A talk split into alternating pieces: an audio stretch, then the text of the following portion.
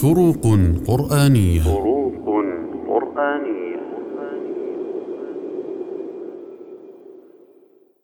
الفرق بين السنة والسنة والسنة. السنة بفتح السين هي المدة الزمنية المعروفة المؤلفة من اثني عشر شهرا كما في قوله تعالى تعرج الملائكة والروح إليه في يوم كان مقداره خمسين ألف سنة.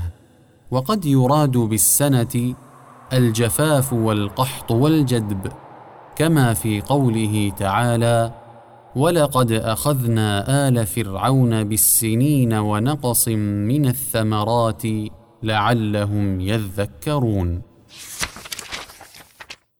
أما السنة بكسر السين فهي مقدمة النوم من النعاس والفتور.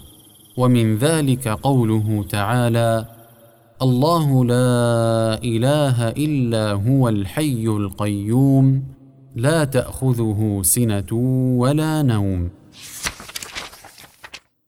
أما السنة بضم السين فهي الطريقة والنهج والعادة. كما في قوله تعالى سنه من قد ارسلنا قبلك من رسلنا ولا تجد لسنتنا تحويلا